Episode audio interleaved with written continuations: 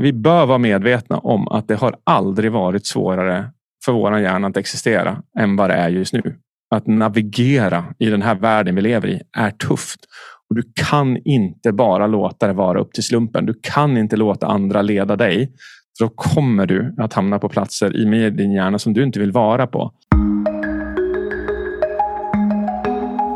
Lyssnar på podcasten Perspektiv. Intentionen med de här samtalen är att skapa ett samhälle av välmående och stärkta individer. Mitt namn är Madeleine Mofjärd och jag är här för att lyfta nya perspektiv.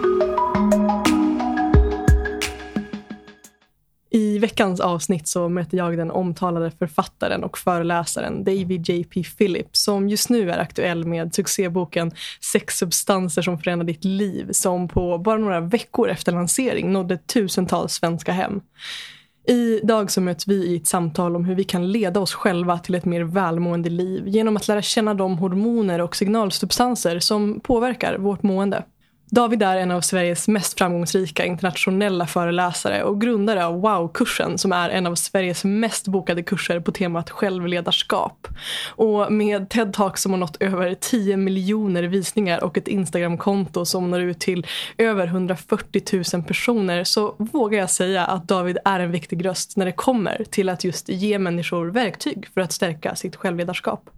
I dagens samtal så hör du oss bland annat prata om hur vi kan leda oss själva till ett mer välmående liv genom att bli mer medvetna om de signalsubstanser och hormoner som påverkar vårt mående. Och David delar också med sig av ett gäng kraftfulla verktyg och praktiker som kan hjälpa oss att stärka vårt eget självledarskap och öka vårt välmående inifrån. Och David öppnar också upp och delar med sig om den perioden då han drabbades av en depression som sen kom att inspirera det arbete han gör idag. I veckan så vill jag även passa på att berätta om Mindfully som är Sveriges största meditationsapp med över 250 meditationer på just svenska.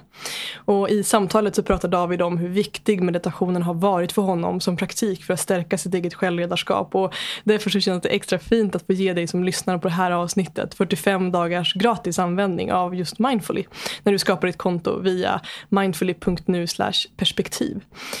Och oavsett om du aldrig har mediterat tidigare eller har lång erfarenhet av just meditation och vill fördjupa din praktik så vågar jag säga att Mindfully är ett fantastiskt verktyg för att stärka dig själv inifrån. Och om det är så att du uppskattar det här samtalet så skulle det betyda så mycket om du ville dela en recension i appen där du lyssnar eller kanske dela det här avsnittet på din story och tagga mig. Och på det sättet så hjälper du också mig och oss att sprida de här samtalen och inspirera fler människor till en mer hälsosam relation till sig själva och andra. Och vill du dela reflektioner, tankar eller perspektiv kopplat till avsnittet så är du också jättevälkommen att höra av dig till mig. Mitt namn är Madeleine Mofjärd och du hittar mig enklast på Instagram under namnet Mofjärd utan ä. Tack för att du hjälper mig göra mitt arbete möjligt.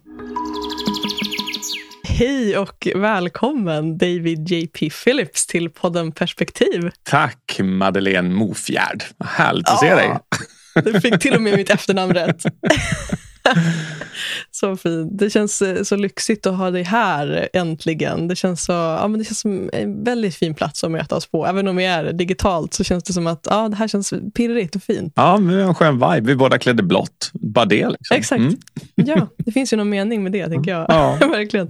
Jag tänker att eh, idag, du är superaktuell med din, din nya bok Sex substanser som förändrar ditt liv.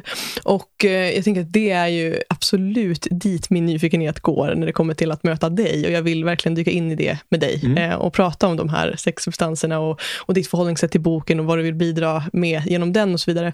Och jag tänker att innan innan vi dyker in i det, liksom the juicy stuff, så vill jag ju såklart också checka in med dig, David, och höra hur, hur känns det att vara, vara du idag? Hur mår ditt hjärta nu när vi sitter här? Oh. Alltså det mår bra på så många olika sätt. Det är så viktigt för mig att människor läser boken. Eh, för jag vet vilken formidabel förändring det kan göra för alla människor. Det spelar ingen roll vem man är eller hur man mår. Så kommer det att kunna innebära stora förändringar när man gör det som skrivs i boken. För mig räddar den ju mitt liv. Så att det är ju, för mig är det så otroligt, otroligt stort att den har blivit så populär.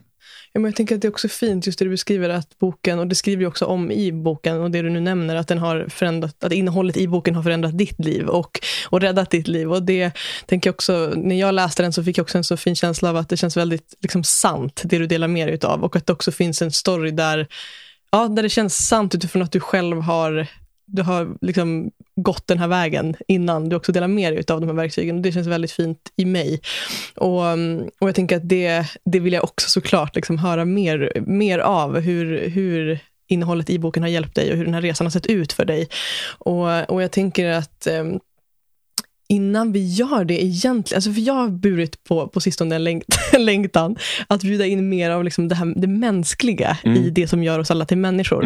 Mm. Um, och jag tänker att du är en person, utifrån det här att du har nått mycket liksom externa framgångar och mycket också interna liksom inre framgångar, utifrån hur jag upplever liksom dig som person. Och jag tänker också att det finns någonting i det här att det är lätt att vi utifrån sett kan framstå som så framgångsrika, att allting går så enkelt och liksom, David, you have it all figured out, liksom. allting bara flowar och är enkelt för dig. Och då tänker jag också att det finns något fint i att bjuda in det här liksom, mänskliga. Och utifrån det så är jag nyfiken på att höra med dig om det finns något i ditt liv just nu som känns lite mer utmanande. Alltså vad, vad i ditt liv just nu är, är någonting som känns lite svårare? Mm.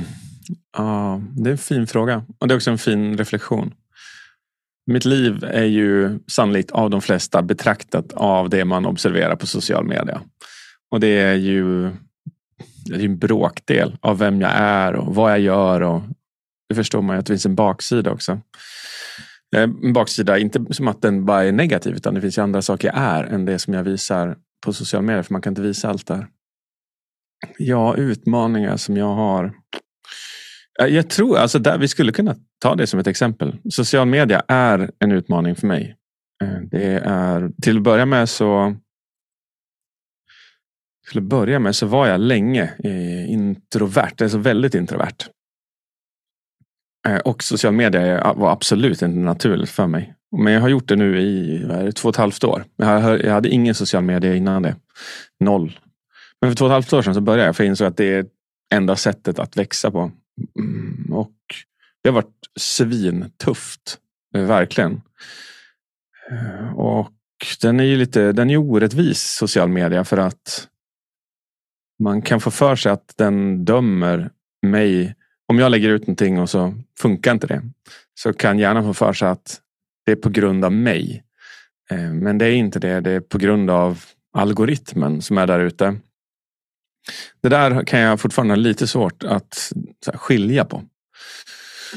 Eh, men eh, det som är spännande är att jag har blivit, tack vare social media, extrovert på ett helt ja. annat sätt. Alltså, ja, om det förut var typ 70-30 åt, åt det introverta hållet så är det 70-30 åt det extroverta hållet nu. Så genom att pressa sig själv i två och ett halvt år eh, till att byta det typen av beteende så känner jag mig nu helt naturlig. Som jag var i London i torsdags när jag fick reda på att boken blev etta i Sverige i november. Eh, bästsäljande bok. Då ställde jag mig till Harrods på knä och bara vrålade rakt upp. Och det, det var ju säkert 50 personer som bara tittade på mig. Eh, och Eh, men det hade jag aldrig kunnat gjort förut för jag var rädd för att göra sådana saker publikt. Men med social media så har jag tränat det. Det är en sån sak. Mm. Jag tänker mig, är det någon mer motgång jag upplever just nu? Alltså det, man kanske fattar det på mig att jag är en väldigt, väldigt energisk person. Mycket energi. Och då när saker och ting går för långsamt så blir jag frustrerad. Och det tror jag att andra ibland kan känna. Jag vet att min förläggare höll ett tal om mig på, våran, på, på bokreleaset och då sa han vid två tillfällen att David är på gränsen till enerverande. Just det. Mm. Eh, och jag tror jag är det. För många som jobbar med mig. Jag är en annan människa i min profession än vad, jag som, vad som syns på social media. Jag har väldigt höga krav och jag tycker att saker och ting ska gå jättefort. Men det kommer ju från bakgrunden av att jag vill att så många människor ska läsa den här boken. Alltså, och lära sig den här kunskapen. Min frustration kommer inte från att någonting annat än att vi måste ut med det här snabbare. Mer, till fler. Kom igen nu! Huka! så, kör vi! Ja. Och den frustrationen är smärtsam i mig. Ja, mm. exakt. Som att trampa ja. i honung i dagarna ibland. Just det. Ja. Men vet du vad? Nej, det finns ingenting sådär i mitt liv just nu som ens i jämförelse med hur tufft andra har det och hur helt sanslöst hemskt det var att vara mitt gamla jag innan jag knäckte, depre- knäckte depressionen. Allt det här är liksom så lyxutmaningar som jag lätt kan hantera. Ja, nej, men det är jättefint att du delar och också med, det, med den liksom, ja, det insticket att, att det, det finns människor som har det värre och ändå tycker jag att det finns något fint i det här att också våga prata om så här, men det här har varit en utmaning för mig eller så där. Att det, det, det är fint liksom, att du delar det. Eh, och jag tänker det du beskriver det här, din, den här liksom the urgency att vilja att, att fler ska ta del av det här, det är, så relevant det du, det du vill dela. Jag tolkar också, bara när jag ser dig prata om det nu i vårt samtal här, så ser jag liksom, det finns en, en brinnande liksom eld inom dig, som, Mm. alltså en passion, en drivkraft. Liksom, som, Ja. så här, men nu, ja.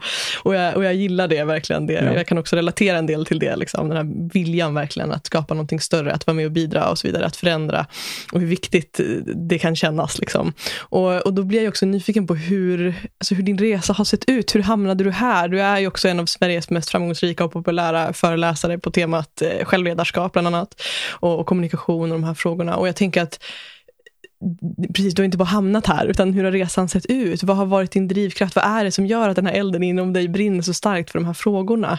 Liksom, kan du se vart den drivkraften kommer ifrån inom dig? Mm. Alltså jag har fått den här frågan ganska många gånger. Och jag är fortfarande inte helt säker på vad svaret är. Vart den kommer ifrån. Det finns en inneboende enorm energi och drivkraft i mig. Som vill åstadkomma fantastiska saker. Och jag, jag vet, om jag uttrycker det så här att i min bok så skriver jag om, om emotionella varför. Och när jag håller mina föreläsningar kring självledarskap. Det som tänder mig allra mest. Det som skapar dopamin i mig på kommando. Är när jag går tillbaks till tanken av hur det kändes under min depression. Och hur det känns nu efter jag har knäckt den. Och när jag tänker den tanken. Det finns ingen tanke jag kan tänka som skapar mer dopamin i mig än den enskilda tanken. Så på den frågan, vad är min drivkraft? Så kommer det ju uppenbarligen därifrån av att inte vilja se andra befinna sig på samma plats. Det är det ena. Sen en annan drivkraft som har uppkommit sedan dess är att det jag har märkt är att livet kan vara bättre och bättre och bättre och bättre. Det är som att människor, många människor har fått för sig att det finns liksom en nivå av hur man mår. Och det finns en, en, ett sätt att känna glädje och lycka.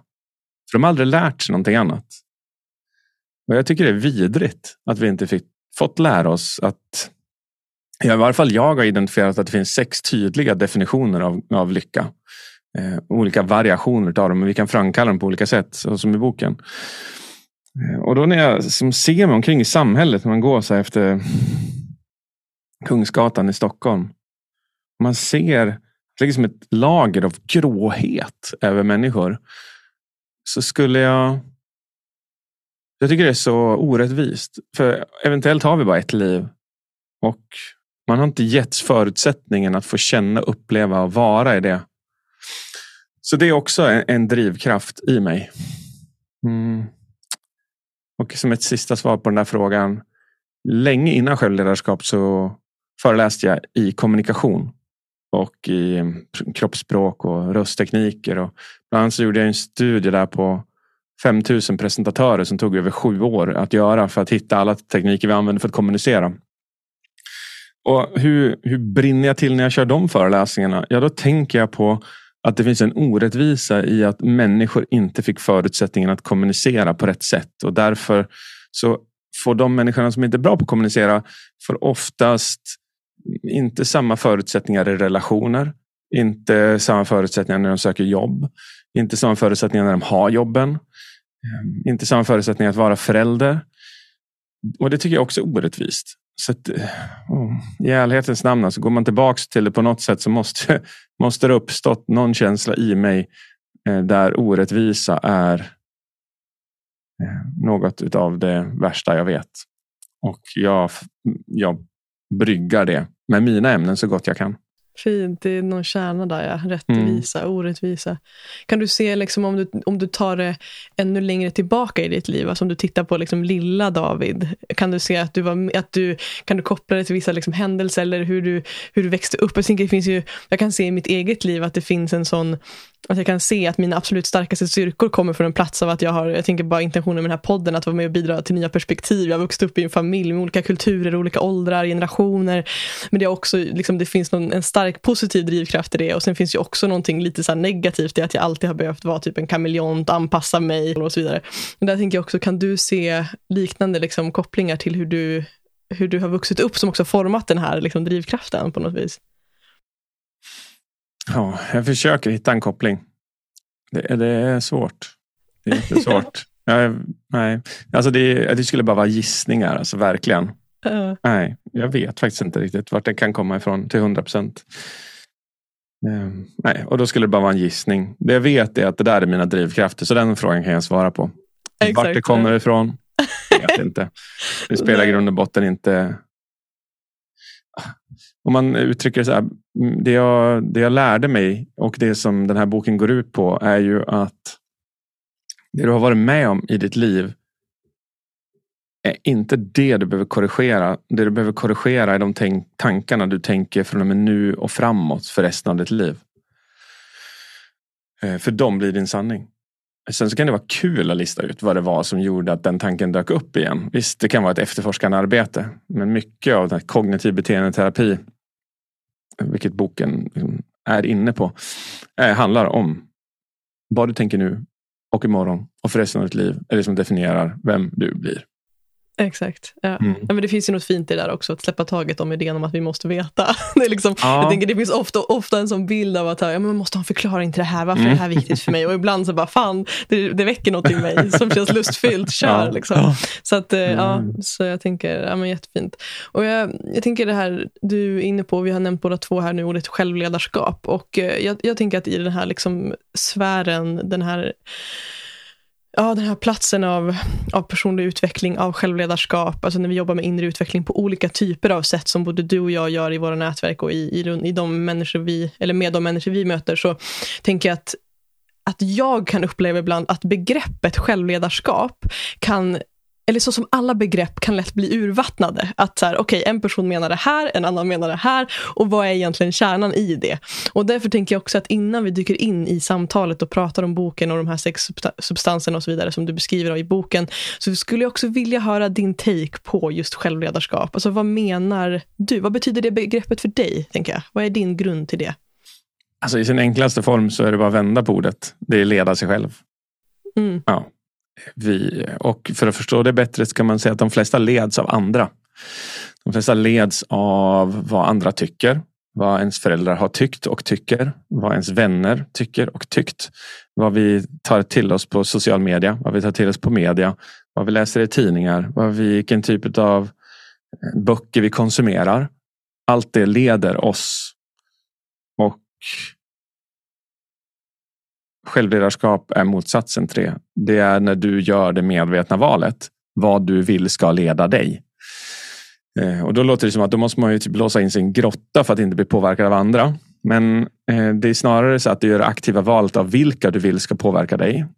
Eh, vem vill du umgås med? Vad vill du ska influera dig? Vem ska du följa som ska influera dig? Vilken typ av content ska du läsa? Vilka böcker? Vilken media? Vilka tidningar? Eh, vill du ska influera dig. Att göra det medvetna valet är för mig en, en, en del av definitionen av självledarskap. Eh, och eh, den andra är att, att lära sig. Mm, om man tittar på livet så kan man uttrycka det som att alla vi människor råkar ut för någonting som heter stimuli. Som, ja, alltså att vi utsätts för någonting. Någon säger någonting, vi hör någonting. Vi tänker en första tanke. Det är stimuli. Och sen om jag håller upp händerna nu för att illustrera det här så är stimuli här. Och sen så har du reaktion, det är den andra handen. Vissa människor har bara stimuli och så bara smäller det rakt i reaktionen. Så fort de får en negativ kommentar så svarar de instinktivt på den kommentaren. Så fort någon säger någonting till någon så kan de bli aggressiva till exempel. Stimuli-reaktion är omedelbara. Som en krokodil så här, som får en instinktiv reaktion när någonting plaskar i vattnet. Men självledarskap handlar dels om att skapa utrymme mellan stimuli och reaktion. Så säg att du tränar dig själv till att få 10 sekunder däremellan, eller 5 sekunder. Så stimuli, någon säger någonting. I 5 sekunder så ger du dig själv andrummet att välja vad du vill reagera på och sen reagerar du på det. Och i det där tom tomrummet så har jag identifierat att det finns i varje fall någonstans runt hundra bra verktyg att använda sig av i livet. Så man, ska, man, kan, man kan kalla det för att man kan installera dem i sig själv genom att repetera dem tillräckligt många gånger. Så om vi kan ta ett sådant exempel på en stimuli som uppträder i en människa. Så kan man till exempel då ta att du um, en klassiker, vi tar en praktisk, vi tar så kallbad inne nu. Mm. Stimulit är att du går ner i vattnet. Det är svinkallt. Många kommer då att gå direkt på reaktion, hoppa upp. Men om du har stimuli, det är svinkallt, du har gett dig själv utrymmet till att rationellt tänka hur du ska hantera situationen. Så vet du där att genom att ta över andningen så kommer du att bryta den reflexmässiga handlingen. Och när så fort du har fått kontroll över andningen, ja, men då har du löst det. Det är liksom det som är tanken. Stimuli, tänk på andningen, tänk på andningen, tänk på andningen, sen kommer reaktionen. Och det är ja, för kallbad, men det, det, det, finns för i stort sett alla livssituationer. Min pappa gick bort för fyra år sedan ungefär. Eh, och det var så intressant. Han, han, hela sitt liv, eller hela sitt liv, så länge jag kände honom, så hade han alltid önskat sig en fest när han dog. Så vi skulle fira honom. Men det var lite svårt för han hade inte så många vänner kvar vid livet då. Men då hade vi en sommarfest här på herrgården. Och då dog han samma dag som det. Så då när jag liksom kom tillbaks, festen var inte inställd utan då var det snarare så här. Vi ska ha festen för att han dog nu. Och därför så firar vi honom i den här sommarfesten. Men då är Steven i det här fallet ett dödsfall. Reaktionen blir sorg. Det finns, ingen, ehm, det finns inget utrymme däremellan och det finns heller ingen ingen kunskap om vilket verktyg man ska använda. Men tittar man på sorg så finns det två olika sätt att sörja, vad jag vet om i alla fall. Det ena är ehm, genom tanken av varför dog du? Kom tillbaka. Varför måste du vara borta? Det är orättvist. Det är ett destruktivt sätt att sörja på. att det skapar stress i kroppen. Sen finns det ett annat sätt att sörja i det här fallet och det är via tacksamhet för allt den här personen har gjort för dig. Eh, vilket med stor sannolikhet frambringar oxytocin. Och oxytocin har en helande kraft versus kortisol som har en destruktiv kraft i dig. Så när min far dog, så tack vare att jag hade skapat det här utrymmet, så insåg jag att nu under två veckor så ska jag bara vara tacksam. Och var jag än gick, vilken tanke jag än tänkte, vad jag än kände, så var jag tacksam för saker han hade gett mig under den här veckan. Eller under mitt liv. Ja, det här är ett till sånt exempel på eh, de här hundra verktygen som man då kan installera i sig själv genom att repetera dem. Så där har du fått lite olika svar på frågan. Vad är självledarskap för mig? Att leda sig själv, skapa utrymme mellan stimuli och reaktion och installera verktyg för att hantera olika typer av stimulus i livet. Ja, men jätte, jättefint beskrivet. Det skapar mycket mening i mig när jag hör det. Och Jag tänker också det här du delar om om att, ja, att också ta ansvar, tänker eller det jag tolkar in då i att här, ta ansvar för det vi väljer, hur vi väljer att processa saker, upplevelser, känslor och så vidare. Och då tänker jag också att det finns, jag kan uppleva att det kan också finnas en en sån bild inom den här världen av liksom självledarskap och personlig utveckling där vi kanske också bortser från, alltså att vi undviker vissa känslor för att det blir för obekvämt. Vilket också kan, som jag kan uppleva, också kan bli ett dilemma. Om vi bara väljer att fokusera på till exempel, jag, jag hör ju dig verkligen i det här att, att det finns något fint i att fokusera på det, det vi är tacksamma över. Och samtidigt också balansen mellan att också tillåta oss att känna det som också är smärtsamt. Hur tänker du kring det? Att, att också tillåta liksom, det fulla spektrat av att vara människa och att också tillåta fler känslor än, än liksom bara det som vi kanske ser som positivt. Mm. Hur tänker du kring det? Mm. Jag skulle säga att all, ingen känsla är positiv eller negativ. Det är ju vår definition av känslor. Och de känslor vi väljer att gömma oss ifrån är de vi upplever negativa. Jag har till exempel en kompis som älskar konflikter. Uh, inte, han skapar inte konflikter. Men när han väl dyker upp så blir han så här. Men gud vad spännande. Gud, det här, jag kommer lära mig så mycket av det här. Vi är ju inte överens den här, jag och den här personen. Och det här skulle nog säkert många definiera som en negativ känsla. Medan han kan som en positiv känsla. Så jag, det, jag tycker man ska uppleva hela, hela, hela spektrat av känslor. Men det är fel att tolka det som negativa och positiva. Eh, däremot, om man tillåter stress så kommer det att skapa negativa effekter i dig. Punkt. Och det ska man undvika. Kronisk stress är svindåligt.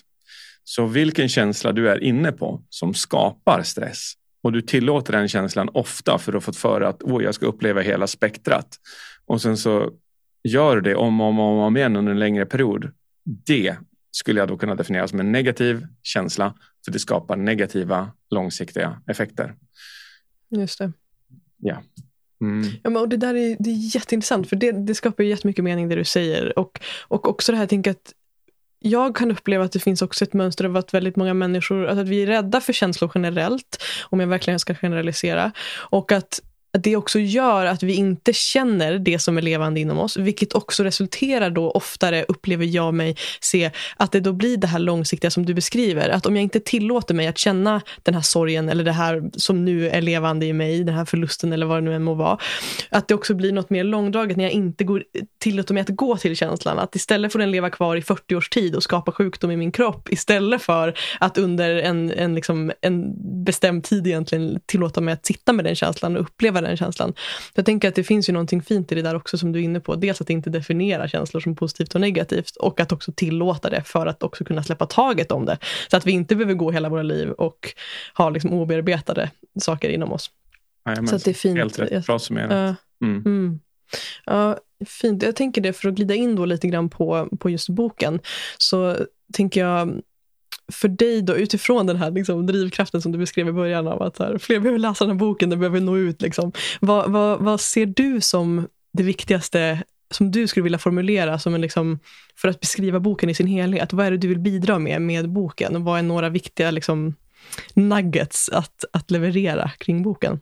Det finns ett exempel som jag tycker summerar boken otroligt bra. Och Det utgår från att jag har skrivit om sex stycken substanser. Och de är dopamin, serotonin, oxytocin, endorfin, testosteron och kortisol. De här är hormoner och de är signalsubstanser och de har potentialen att framkalla olika upplevelser i oss själva. Så kortisol kan skapa eh, stress eller är ett resultat av stress. Och då tänker vi så här att du har varit på jobbet och det har varit en stressig dag. Så du har förhöjda nivåer av kortisol. Men det har också varit kanske en, en rolig dag. Du har liksom fått göra många saker. Du, det är några mejl du väntar på. Du ska få svar på några grejer här på kvällen. Så att du har dopamin i det också, förväntan av njutning. Och så hoppar du ut ur bilen eh, och så går du in till din familj. Eh, om du går in med det jag då kallar för en Angels eller Devils cocktail av de här blandningarna. I det här fallet så har du blandat dopamin och kortisol det skulle jag definiera som en Devil's cocktail i det här sammanhanget. För det betyder att när du går in med de substanserna så kommer du inte se dina barn. Du kommer inte höra dem, du kommer inte känna deras kramar. När du frågar din partner hur dagen har varit så kommer du inte lyssna aktivt. Men om du tog bara två minuter i bilen eh, att framkalla oxytocin, vilket vi vet går genom att till exempel titta på videoklipp av någonting som skapar empati i dig. Så du sitter här i två minuter och du känner att du börjar bli tårögd. Och du känner empatin skapas i din kropp. Och nu när du går in två minuter senare så har du blandat vad jag då istället skulle kalla för en Angels cocktail. Du har höjt dina oxytocinnivåer medvetet och du har sänkt dina kortisolnivåer medvetet. Nu går du in, nu kommer du springa fram till dem. Du kommer vilja se, vara med dem, höra vad som har hänt på ett helt annat sätt. Det är som att på två minuter så byter du varianten av dig själv som du vet kommer att må bättre i det här ögonblicket och vara bättre för andra i det här ögonblicket.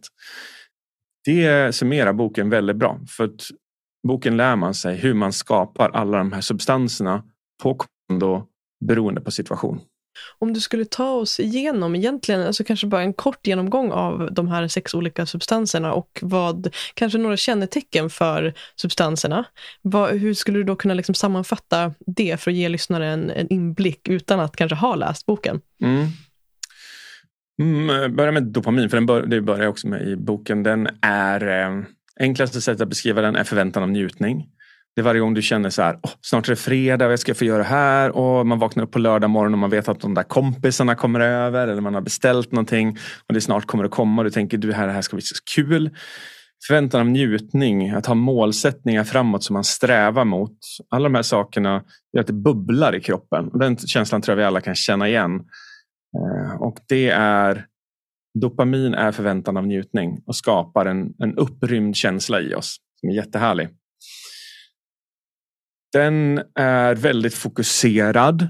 Så att man är liksom verkligen fokuserad på en sak oftast. Då. Har man extremt mycket dopamin så blir man dryg nästan. Så man, är så här, man, ska, man bara pratar om exakt samma sak hela tiden. Har du varit med om det? Ja, absolut. Ja. Folk bara, ja men vi orkar inte nu. Du har pratat om det här i sex räcker. månader. Det räcker nu. men du är så tunnelseende så du bara, så, men förstår ni inte? Det är ju så bra.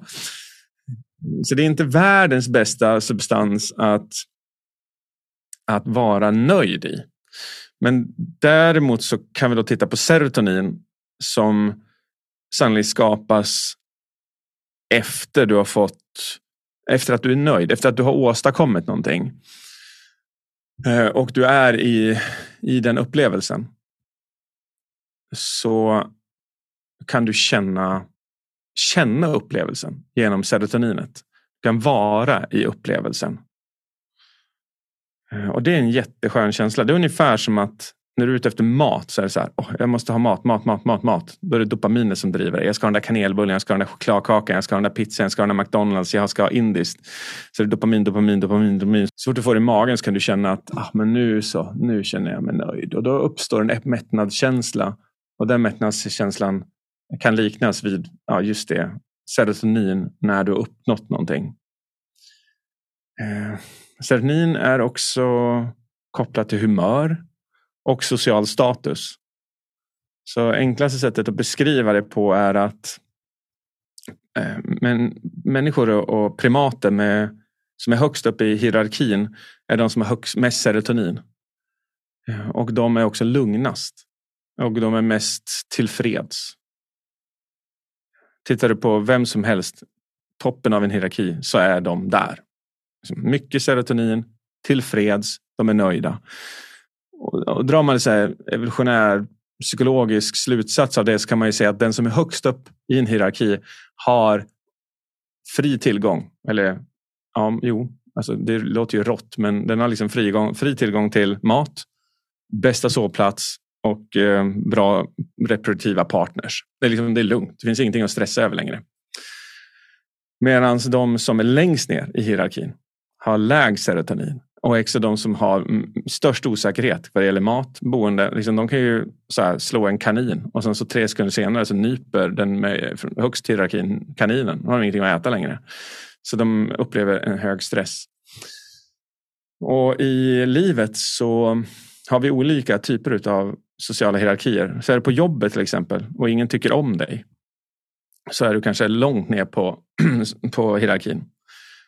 Och då känner du låga nivåer av serotonin och då kommer du må piss. Alltså, den här känslan av nöjdhet kommer inte alls finnas där. Utan det kommer vara kass. Och sen så går du från jobbet och så kanske du eh, går till den lokala paddelklubben där du är en legend. Eh, så bara du kommer in så tittar folk bedårande på dig. Så här, oh, Gud, han är här eller hon är här. Hjärtat stannar på de som är där. Liksom, så här, ta kort. Och du känner hur ditt serotonin bara går i taket. För din sociala hierarki är du störst i. Du har nu lättast tillgång till de här äh, lättare tillgång till äh, de resurserna som du kanske är i behov av. Eh, och det här är ju lite lurigt livet för att vår sociala hierarki förändras jätteofta på en dag. Så vårt humör kan skifta jätteofta på en dag. Mm, så det är serotonin. Och sen har vi, mm, vi kan hoppa på Eh, kortisol som är fantastiskt. Mm, kortisol tillsammans med adrenalin och noradrenalin är vår stressrespons. Eh, människor är ibland bara beroende av det. Alltså, du vet, adrenalin junkies, det har du säkert hört talas om, eller hur? Precis. Ja, de hoppar ju ut ur fallskärmar och fallskärmarna ska vara mindre och mindre och mindre bara för att de ska uppleva samma kick om och om igen. Och kortisol är en del av det spektrat. En del av spektrat att, av stress. Stress är fantastiskt i korta perioder. Helt fantastiskt i korta perioder. Det är magiskt. Där. det. det är liksom det som, när vi är förälskade. Jag vet inte om du, du kanske är förälskad Madeleine? Jag är för, ja, precis, ja, men ja. jag får ändå säga att jag är i nyförälskelsen. Ja, men gud vad Efter två och ett halvt år. What? och då vet man att under den perioden av förälskelse så har vi höga stressnivåer. Alltså det bara av vällust. Och kortisol Eh, samtidigt som det är fantastiskt förhållandevis kortsiktigt så är det inte bra med extremt höga nivåer under lång, med långa perioder. Så den listan, den, de effekterna av det det, skulle, det, skulle, det räcker inte med det här poddavsnittets eh, kvarvarande tid för att lista dem. Men för att ta några så eh, så libidon hos män och kvinnor kan gå ner. Vår reproduktiva förmåga kan gå ner. Alltså förmågan att överhuvudtaget skaffa barn går ner.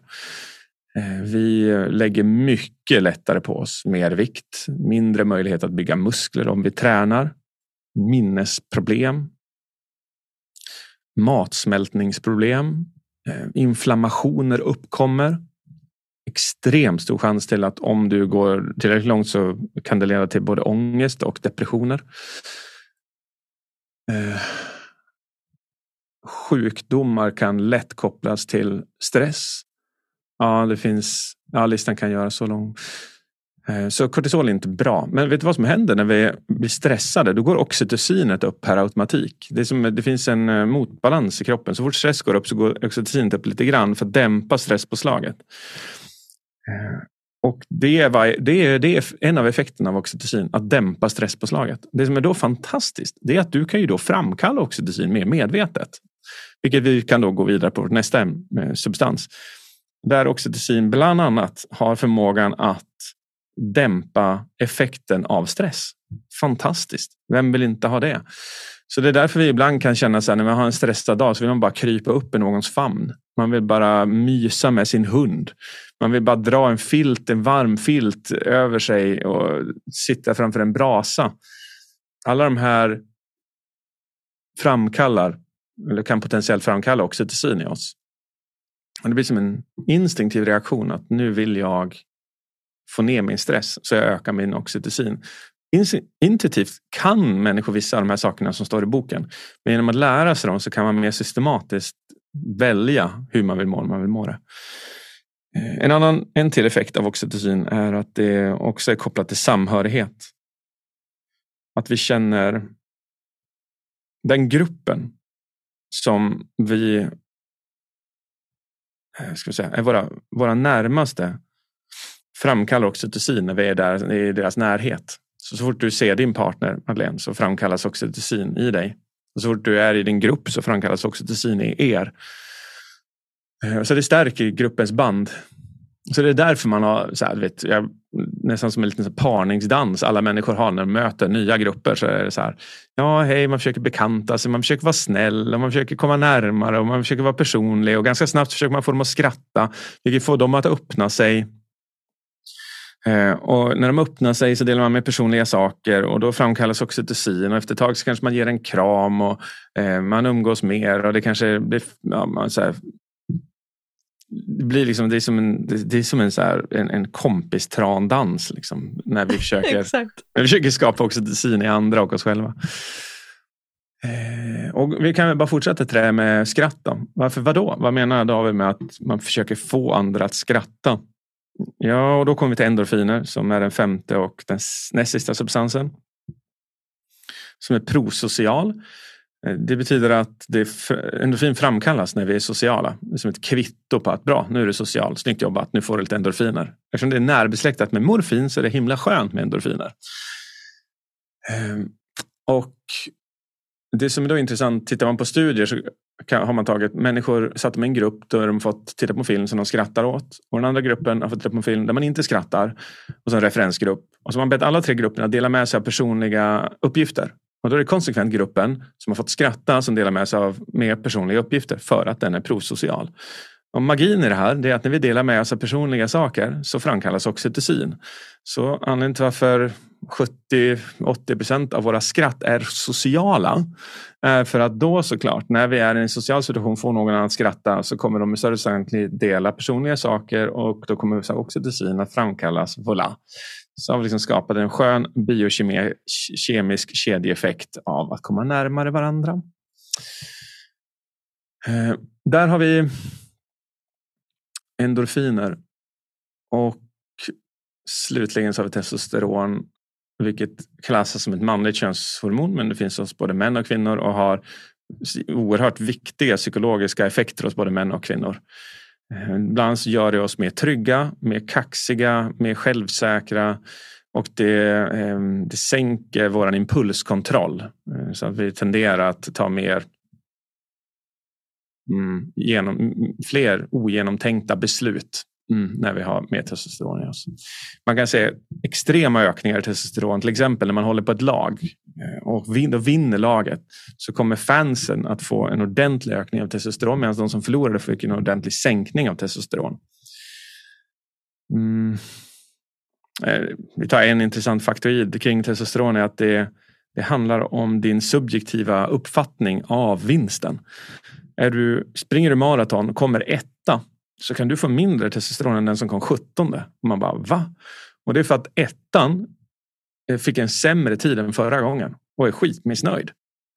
Eh, vadå? Hallå? Alla de här fjantarna som jag sprang emot, det var väl ingenting. Men jag sprang ju tre minuter sämre än förra året. Vad är det här? Eh, och få, kan av den anledningen få en testosteronsänkning. Medan den som kom 17 var så här. Det är helt sjukt! Va? Jag trodde jag skulle komma på plats 500. Det är galet. Jag ser till och med han som kom etta. Det är helt brutalt. Och bara studsar runt med massa testosteron i kroppen. Eh, den subjektiva uppfattningen och förväntan av det du, hade, det du trodde liksom skapar, en, skapar mer eller mindre testosteron. Och nu när vi har gått igenom alla sex så kan det vara bra att bara säga det. Att det är verkligen din... Eh, många av de här påverkas av din, din förväntade uppfattning av utfallet. Så, mm. Det var en lång genomgång, men du frågade. Ja, men det, ja. jag, jag, uppskattar det och jag tänker att det finns något väldigt fint också. Jag tänker för de alltså, som också inte har, har läst boken så får vi också en, jätte, en fin genomgång i och med att du delar. Så jag uppskattar det jättemycket. Och eh, jag tänker det du var inne på tidigare, att eh, du själv har gått igenom och tagit dig ur också en depression tidigare. Och eh, mycket med hjälp av de här insikterna och de här verktygen som du också delar mer av i boken. Och då blir jag ju såklart också nyfiken på att höra om du vill dela med dig lite kring dels kanske den perioden eh, i sig, när i tiden det, det var och också hur de här insikterna om de här olika substanserna och hur, hur du har navigerat liksom, runt om och hur det hjälpte dig där när du också tog dig ur depressionen. Mm. Många depressioner framkallas av inflammationer i kropp och hjärna. Och de inflammationerna kan ha uppstått av stress, vilket var det i mitt fall eh, kronisk stress.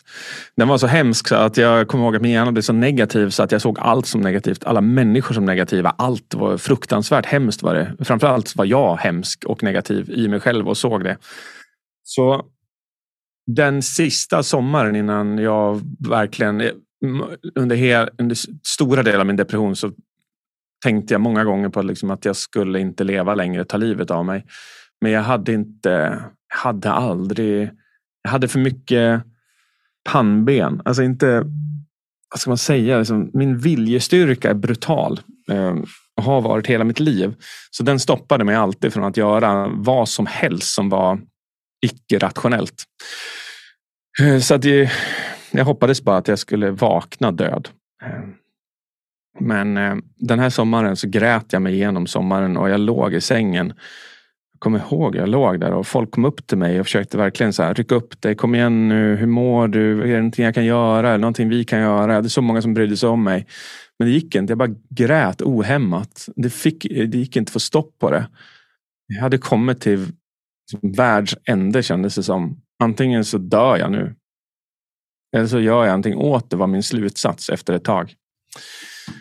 Eh, och eh, första nyckeln kom via meditation. Det hade jag aldrig gjort förut. Så det gjorde jag. Och jag kommer inte ihåg hur många veckor det tog. Men efter x antal veckor så fick jag fem minuter av glädje. Vilket kommer säkert gå ner som det mest och bästa ögonblicket i mitt liv. Jag kommer alltid komma ihåg det.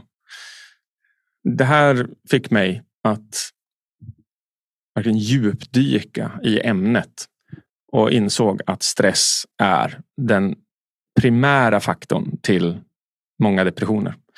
Så jag gjorde så här och jag rekommenderar alla som lyssnar, oavsett om du är deprimerad eller inte, gör det jag gjorde eh, och det jag skriver med boken som är en stresskarta. Skriv ner allt som stressar dig idag. Allt. Eh, relationer, tankar, friktioner, kollisioner i sanningar som du kanske har. Människor du följer på social media, serier du tittar på. Fastän du kan tycka att de känns bra så stressar de dig. Skriv ner allt. Min lista blev hundratals punkter lång. Och sen så började jag beta av dem en efter en efter en efter en efter en. Och jag har ganska bra självledarskap i effektivitet. Så jag börjar med några av de svåraste och tuffaste. Jag hade några konflikter som jag eh, löste väldigt snabbt. Jag sa upp några personer jag inte mådde bra med till exempel. Genom att man börjar med det svåraste först så blir det bara lättare och lättare istället för tvärtom. Det där är väldigt personligt. Det får man välja själv hur mycket styrka man har i sig själv. Men hur som haver. Beta av den där rackaren. Och våran stresslista över negativa stressorer ska kunna vara tom. Alltså nästan. Det ska vara väldigt få negativa stressorer i vårt liv. Så det är mitt, mitt första råd. Och efter det här, när stressen börjar lätta. Jag har en liknelse, en metafor som lyder att, att din, din hjärna är en trädgård där du har blommor. Där de här substanserna motsvarar olika typer av blommor. Där tulpanerna kanske är dopamin och rosorna är serotonin. Och hibiskusen är oxytocin. Och en dag så regnar det och det bara fortsätter regna. Det regnar i sex månader. Så kommer din nu så vackra trädgård att se förfärlig ut och vara fylld av gyttja och hemsk. Och du tänker kanske till dig själv att Gud vad fruktansvärt allt är. Och det är ungefär där man är när man mår skitdåligt och man har utsatt sig själv för mycket kortisol och stress och kanske är deprimerad. Men det som är så magiskt med hjärnan, det är att den kan gå tillbaka till homostasis, återbalans, genom att det helt enkelt slutar regna. Så plötsligt så ser du din trädgård hur det bara lyser upp där borta. Bara, Åh, kolla, jag ser solen! Så är den framme en dag och så kommer det tillbaka lite regn. Och så är den framme två dagar. Så kommer det fram lite regn. Och så är solen framme i fyra dagar. Så kommer det tillbaka lite regn. För lite regn, lite kortisol är bra och är superviktigt för oss. Men det här kommer torka upp din trädgård. Och inom loppet av tre månader så kommer de här blommorna att dyka upp igen utan att du ens behöver göra någonting åt det. Och när jag knäckte, när jag fick det att sluta regna, då liksom återhämtade sig min hjärna. Och då blev det bara intressant hur jag kunde plantera nya tulpaner och ännu fler tulpaner och ännu mer rosbuskar och ännu mer hibiskusar. Vilket också är självledarskap. Hur kan man och vad snackar jag om då, då? Vad menar du David? Ja, men ta till exempel, hur kan jag plantera fler hibiskusar? Hur kan jag känna mer oxytocin? Ja, jag kan utveckla min kärlek för mina barn. Jag kan utveckla min kärlek för andra människor. Jag kan träna på eh, känslan av storhet för naturen. Alla de här sakerna visar sig öka oxytocinnivåerna. Bra, då har jag planterat massa nya hibiskusbuskar i min eh, hjärna. Och till slut så får man liksom den trädgården man, man väljer att skapa för sig själv. Där det finns någonting som, jag har varit med i många poddar, men det finns, jag skulle vilja säga en sak som jag inte har sagt i någon annan tidigare, som jag vet. Um, och Det är för att det är viktigt att veta det här. Jag, det finns de som säger så här. Varför, har vi det, varför mår vi så dåligt när vi har det så bra? Och min uppfattning är inte att vi har det så bra. Inte ut, inte ut perspektiv från hjärnans perspektiv. Det har aldrig varit svårare. I hela mänsklighetens historia har det aldrig varit svårare för vår hjärna att leva. Aldrig har den haft så många intryck. Aldrig har den haft så många lockelser. Aldrig har den haft så många val att välja mellan. Aldrig har den haft chansen att vara så lat som den kan få vara. Så när man säger det så finns det en risk att man kan tänka så här. Men varför mår jag så dåligt när jag har det så bra? Och Då skuldbelägger man sig själv istället. Det bara spär på kortisolregnet. Det, vi bör vara medvetna om att det har aldrig varit svårare för vår hjärna att existera än vad det är just nu. Att navigera i den här världen vi lever i är tufft. Och Du kan inte bara låta det vara upp till slumpen. Du kan inte låta andra leda dig. Då kommer du att hamna på platser i din hjärna som du inte vill vara på. Det är därför självledarskap är miljarder gånger viktigare än vad det var för 20 000 år sedan eller 25 000 år sedan när det, vi hade det klart sämre, ett medicinskt perspektiv. Men mycket bättre ur ett neuro, eller liksom ett neurovetenskapligt och biologiskt perspektiv. Ja, jag gillar hur du vrider och vänder på det perspektivet. Ja. Att det kanske inte är så att vi har det så jävla bra liksom, som vi vill få det att, att verka. Um, fast såklart på många sätt så har vi det. Liksom. Så att, ja, det är jätteintressant hur du, hur du beskriver det. Och tack också för att du delar med dig av det här kring din resa med depressionen och hur, hur du också tog de där första stegen liksom, och började skapa din, din nya trädgård. Liksom. Väldigt fint beskrivet. Och, och jag tänker då också en tanke som föds i mig. Jag har själv aldrig gått igenom någon depression så jag har ingen erfarenhet av hur den upplevelsen liksom kan vara. Eh, det, däremot tycker jag mig ha hört, liksom, när jag också hör människor dela sina erfarenheter av hur det är att befinna sig i en depression. Ehm, är just den här känslan som många beskriver av att, att det blir liksom en avstängdhet. Att det är svårt att, alltså det här vanliga mönstret av att människor som är deprimerade kanske stänger ut, alltså utesluter sig själva från sina relationer. Eh, det sociala blir liksom, alltså att det, det blir det här att, att man kanske stänger in sig, känslorna blir avstängda och så vidare. Och då undrar jag också, om det vill säga att det är någon som just nu befinner sig i en depression och lyssnar på det här, eh, så tänker jag för det jag tycker mig se, eller det jag tycker mig höra är också det här hur svårt det kan vara när man är deprimerad att ta ett första steg. Det är nog det jag vill komma till. Att, att i, i det deprimerade tillståndet, hur, hur tar vi det första steget när allt bara känns mörkt? Eller är du med på vad jag mm -hmm. menar? Liksom hur, kan, kan du relatera till det och, och hur, hur tänker du kring det också om man då ska väva in det kopplat till de här substanserna som du beskriver och hur kan man ta sig förbi det? Liksom? Mm. Alltså det som är så mm, märkligt destruktivt med depression. Jag måste också förtydliga att boken handlar inte om det här utan det handlar om hur man skapar ett bättre liv oavsett vem man är.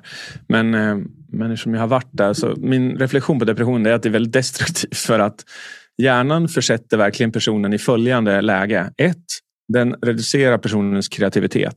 Två, den reducerar personens förmåga att tro att den kan lösa saker och ting. Eh, och ingen av de här två är speciellt, speciellt positiva när man faktiskt behöver lösa någonting. Och då, vi vet ju fortfarande inte riktigt vad depressioner är för någonting. Du vet, det är ju galet. Ehm, man äter antidepressiva och man trodde länge att det hade med serotonin att göra, men så är det inte. Så det kanske finns en kaskadeffekt av att vi ökar serotoninet eh, och som vi inte känner till. Liksom så att någon, någon, någon nedströmseffekt av det. Det finns teorier om att eh, hjärnan blir för rigid. Mm, och att den, eh, den, eh, den upphör att vara formbar. Och att det här ökade serotonin faktiskt gör den mer plastistisk, mer föränderlig. Mm. Och, den teorin tycker jag liksom, den, den låter för mig väldigt vettig. För till exempel när man tränar så ökar man neuroplasticiteten och föränderligheten i hjärnan. Och träning har visat sig vara det nummer ett bästa sättet att reducera sina känslor av depression och ångest. Eh, så ska man gå på Ja, ett skulle jag bara säga. Eh, kan du få någon att få med dig att ta en promenad varje dag? Börja där. En promenad, gärna när solen går upp på morgonen eller liksom på morgonkvisten. Superbra. Eh, två, om du kan skriva ner det som stressar dig och be någon hjälpa dig liksom, hur ska jag lösa de här stressorerna? Så att du i alla fall kommer igång med dem och känner att det känns lättare och lättare och lättare. Det skulle jag säga är några och för mig så var meditation superviktigt. Har också neuroplastiska positiva effekter. Eh, så säg de tre sakerna liksom som snabba tips. Och nästan som en motsatsfråga, en motsatssvar till frågan, så skulle jag också bara vilja svara på en grej som man sällan heller också inte pratar om och det är att människor pratar om att jag önskar att jag vore lycklig och lycka och att det är som en sak. Men det är ungefär som att säga att din kryddlåda är att alla är samma sak. Allt är salt, men det är det inte. Allting smakar olika. Och du har också olika former av lycka och glädje i dig. Och eh, ni som lyssnar, bara säg så här då, att ökar ditt dopamin. Då ökar du en känsla av lycka i form av upprymdhet. Om du ökar ditt, eh, dina stressnivåer temporärt så får du en känsla av, av, av, av exaltering i kroppen. Det pirrar. Eh, om du ökar din nivå av oxytocin temporärt så kommer du få en lyckokänsla av närvaro, trygghet, samhörighet. Jättehärliga. Om du temporärt ökar dina nivåer av endorfiner genom att skratta eller kallbad så kan du känna dig euforisk. Wow! Om du ökar dina nivåer av testosteron just där och då så känner du oövervinnelig. Yay! Eh, och ökar dina nivåer av serotonin just där och då så kan du få en, eh, en känsla av bara allmän nöjdhet. Eh, det är viktigt att, tror jag, för att utforska sig själv. Att förstå att det finns minst sex varianter av lycka och glädje och att man ska sluta kalla det för en sak. Mm. Jag tänker, jag sitter här och mm, kikar i mina anteckningar och inser att vi har ju fått in, alltså när jag gick ut på mina sociala medier och meddelade att jag skulle prata med dig så var det väldigt många som var så här, Ja! ja. Alltså verkligen blev så peppade på att vi skulle mötas. Och det var också väldigt många som hade en del frågor till dig. Och jag tänker vi har några minuter kvar av vårt samtal. Och jag skulle verkligen vilja viga dem till att eh, bjuda in lyssnarna. Så jag tänker att vi ska, jag ska ta några, vi hinner inte med alla. Men jag har, jag ska se här vilken vi vill börja med. Ja, den första lyssnarfrågan då. Personen frågar så här. När det, när det kommer till rädsla och att våga ta modiga steg i livet, finns det då någon insikt om de olika substanserna som kan göra det lättare för oss att våga ta modiga kliv? Uh, tittar man på, då är det nog testosteron som är som reducerar våran, vårat kritiska tänkande och låter oss ta mer impulsmässiga beslut. Ja. Så då skulle jag säga att um, då, då vore idén att öka personens testosteron. Mm. Ja, ja. Lyssna på fruktansvärt peppande musik. Någonting som verkligen får dig att bara så här, du vet, köra för fort i bilen till exempel. Där har du ett kvitto på att... Men kör inte för fort. Nej, nej. Om du råkar infinna dig, oj nu kör jag för fort, då har du nog antagligen hittat en låt som skapar testosteron i dig. Exakt. Eh, primalvrål. Eh, liksom, sannolikt så kommer du kunna få testosteronökningar genom extremt kraftiga för liksom så här, styrkeförändringar i, i din kropp. Eh, så där har du några så snabba bara på testosteron. Mm. Jättefint. Superfint.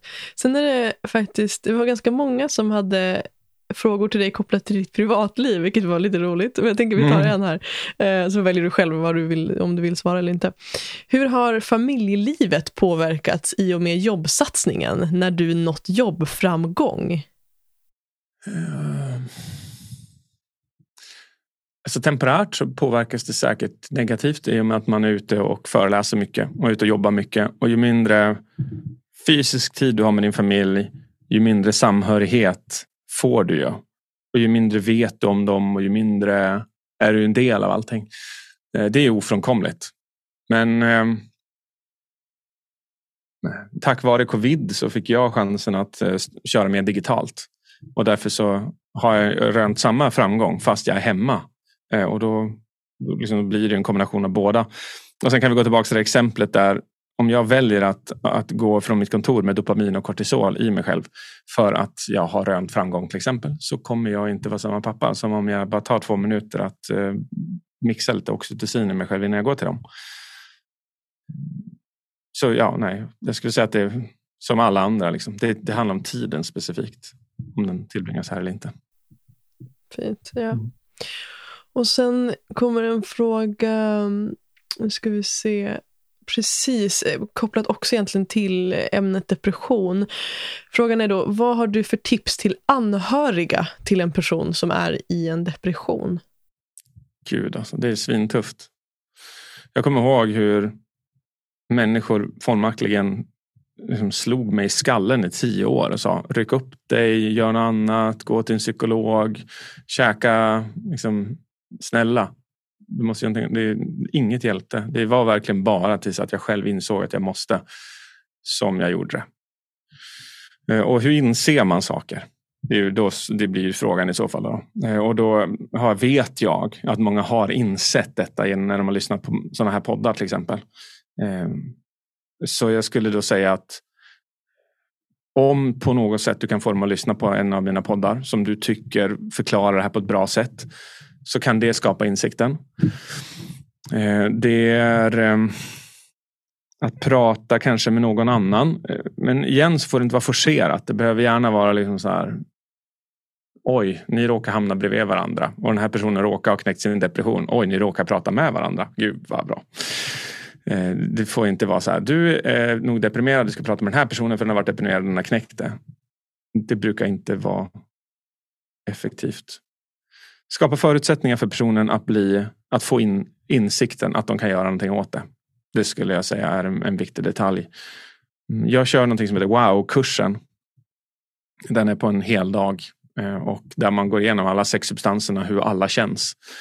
Eh, och det kommer ge många människor insikten att de kan bryta sig igenom både det normala livet och depressioner.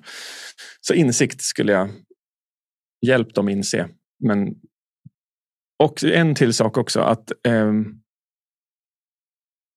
de kan ha blivit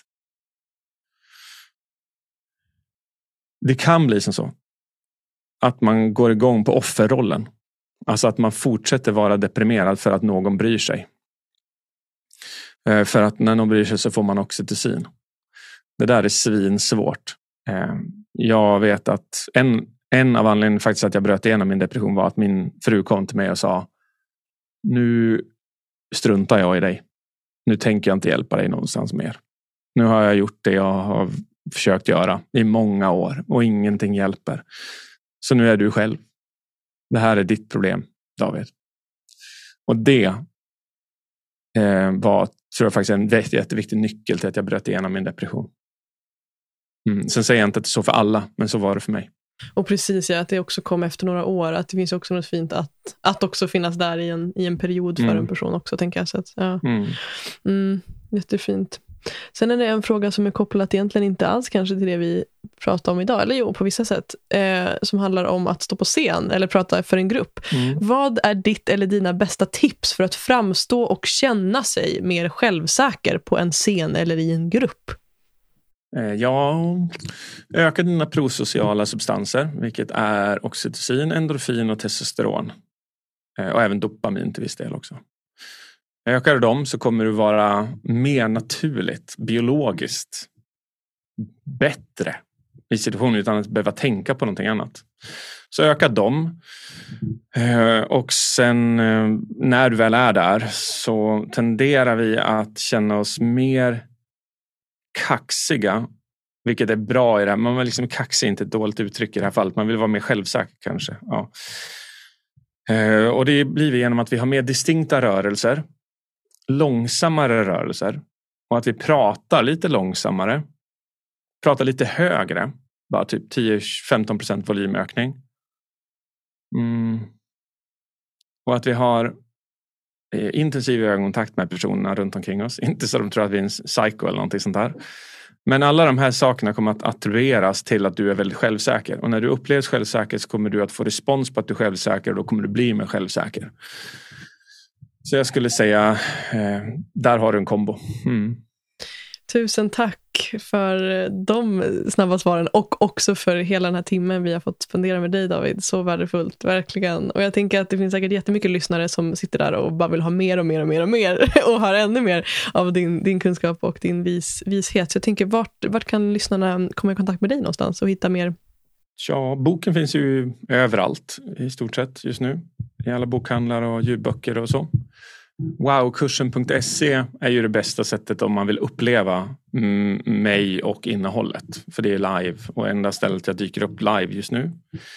Så det skulle jag säga att det är ett bra sätt att ta sig till. Och sen så finns jag på, om man nu vill ha mig som inspiration på social media så finns jag på de flesta plattformarna.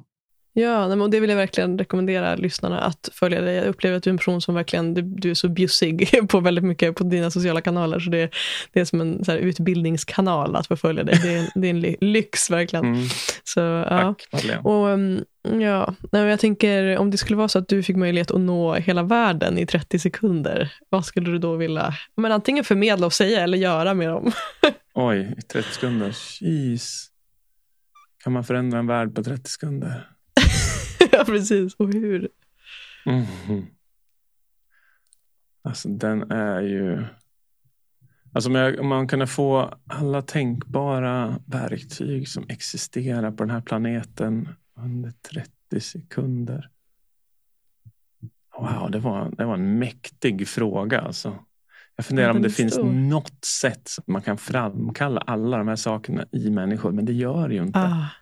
I ett knyck liksom? Ja, i så 30 sekunder. Man har, man har rönt mycket framgångar med elektromagnetisk stimulering till exempel av hjärnan. Ja, um, ja just det. Men jag funderar, det skulle heller inte hjälpa. Liksom. Ja, och, äh, 30 sekunder. Jo, jo, jo, jo. Jag skulle leta. Jag skulle ha sett till att ha letat upp en, um, en utomjordisk ras. Och sen så skulle jag på något sätt ha liksom förhandlat till mig att de är ett eventuellt hot. Och under de här 30 sekunderna skulle jag presentera den här utomjordiska rasen eh, som att de är ett potentiellt hot fast de egentligen inte är det. Eh, och det skulle göra att människan skulle få en gemensam fiende istället för en en, eh, att vara fiender sinsemellan. Människan har alltid mm. funkat så och plötsligt skulle vi då dra mot ett enda håll. Ja, det förutsätter mm. att jag får hitta en utomjordisk ras. Men du sa ju att Just jag fick det. säga och göra vad jag ville. Så där har det du. får du, exakt. Ja. Och sen nästa steg kanske du skulle kunna få lite mer tid och då skulle man också kunna jobba på den här samhörigheten. Liksom. Att... Den kommer ske av sig själv. Människan är så underbar. Ja. Så fort vi får ett gemensamt mål så sluter vi upp. Ja. Liksom, så här. Och så, och så glömmer vi bort våra våra egna friktioner med varandra. För det finns en större... Skulle det komma en meteorit som skulle ge sig mot jorden så skulle vi inte längre slåss. Vi skulle samarbeta för att lösa problemet. Eh, och då bygga oxytocin tillsammans. Oxytocin är läkande, la la la la och så vidare. Ja, eh, mm, det kör vi på. Fint. Ja, fint. Mic drop på den. Ja. Jättefint. Tusen tack David för den här timmen. Det har varit eh, så, så fint att ha dig här. Så tusen tack. Kram på dig. Tack Madeleine. Jag vill också igen passa på att påminna om Mindfully som ger dig som lyssnar på den här podden 45 dagars gratis användning när du skapar ditt konto genom den länk som du hittar i beskrivningen till det här avsnittet. David pratar ju i det här avsnittet om hur viktig meditationen har varit för honom som praktik för att också stärka sitt eget självledarskap och därför känns det så fint att få ge dig som lyssnar just den här gåvan av 45 dagar gratis användning av Mindfully. Så in och skapa ditt konto inom länken som du hittar i beskrivningen till det här avsnittet och ja, välkommen in i världen av meditation. Och som sagt oavsett om du är liksom van när det kommer till meditation eller aldrig har testat meditera tidigare så vågar jag säga att mindful är ett fint verktyg för att stärka just dig själv och i relationen till dig själv då inifrån. Så um, ja, lycka till. tack till dig som har varit med oss i det här samtalet. Jag ser fram emot att få möta dig som lyssnar och ta del av hur det här samtalet landar i dig. Vilka tankar, insikter och kanske till och med triggers växer dig. Det skulle betyda allt om du delade med dig till mig på sociala medier. Skriv till mig eller posta på din story och tagga mig så låter vi det här samtalet leva vidare. Du hittar mig på Instagram under namnet Mofjärd utan Uh, och på Facebook vill jag också välkomna dig till den slutna gruppen Mofjärd Community där vi möts för att prata vidare och lära oss av varandra och, och varandras perspektiv. Du hittar länken i beskrivningen till det här samtalet. Tack igen för att du är här.